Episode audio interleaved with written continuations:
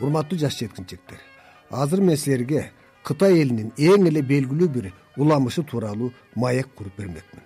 Илгери бир замандарда кытайдын түштүк тарабында азыр бүт дүйнө суктанган улуу кытай дубалы курула элек замандарда деңиз жээгин бойлоп жайгашкан кичинекей бир айыл болчу экен. Айылда беш алты гана түтүн үй бүлө жашап деңизден балык кармап оокат кылышыптыр. Ошол балыктардан тамак кылып жеп калганын кээ кээде чоң чоң кемелер менен келе калчу соодагерлерге дүңүнөн сатып күн көрүшчү экен.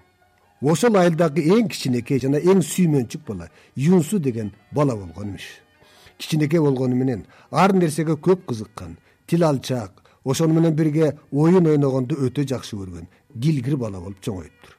Кээ кээде келе калган соодагерлер менен кичинекей болсо да тил таап сүйлөшүп ар нерсени кызыгып сурай берчү экен соодагерлер да кичинекей юнсунун көңүлүн калтырбай жооп берип сүймөнчүктүүлүгү үчүн маңдайына сылап эркелетишчү дешет.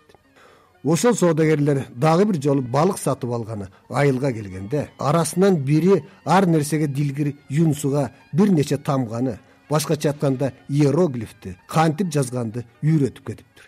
Жаза турган тактай же кагаз жок болгондуктан тигил соодагер тамгаларды деңиз жээгиндеги кумга жазып бериптир суу жайпап кетсе тамгалар өчүп калат анан аны унутуп калам деп корккон юнсу улам улам тамгаларды кайталап жазып суу жээкти жайпап кетер замат кайра жаңыртып жазып турчу экен. Ошентип бир канча мезгил өтүптүр баягы соодагерлер дагы бир жолу келгенде чаалыкпаган юнсу дал эле болсо деңиз жайпаган кумга улам улам тамгаларды жазып жатканын бир да тамганы унутпаганын көрүп соодагерлер ушунчалык таң калышыптыр кичинекей баланын ушунчалык дилгир жана окуганга ынтызарлыгын көргөн соодагерлер баланы өздөрү менен ала кетишкен экен.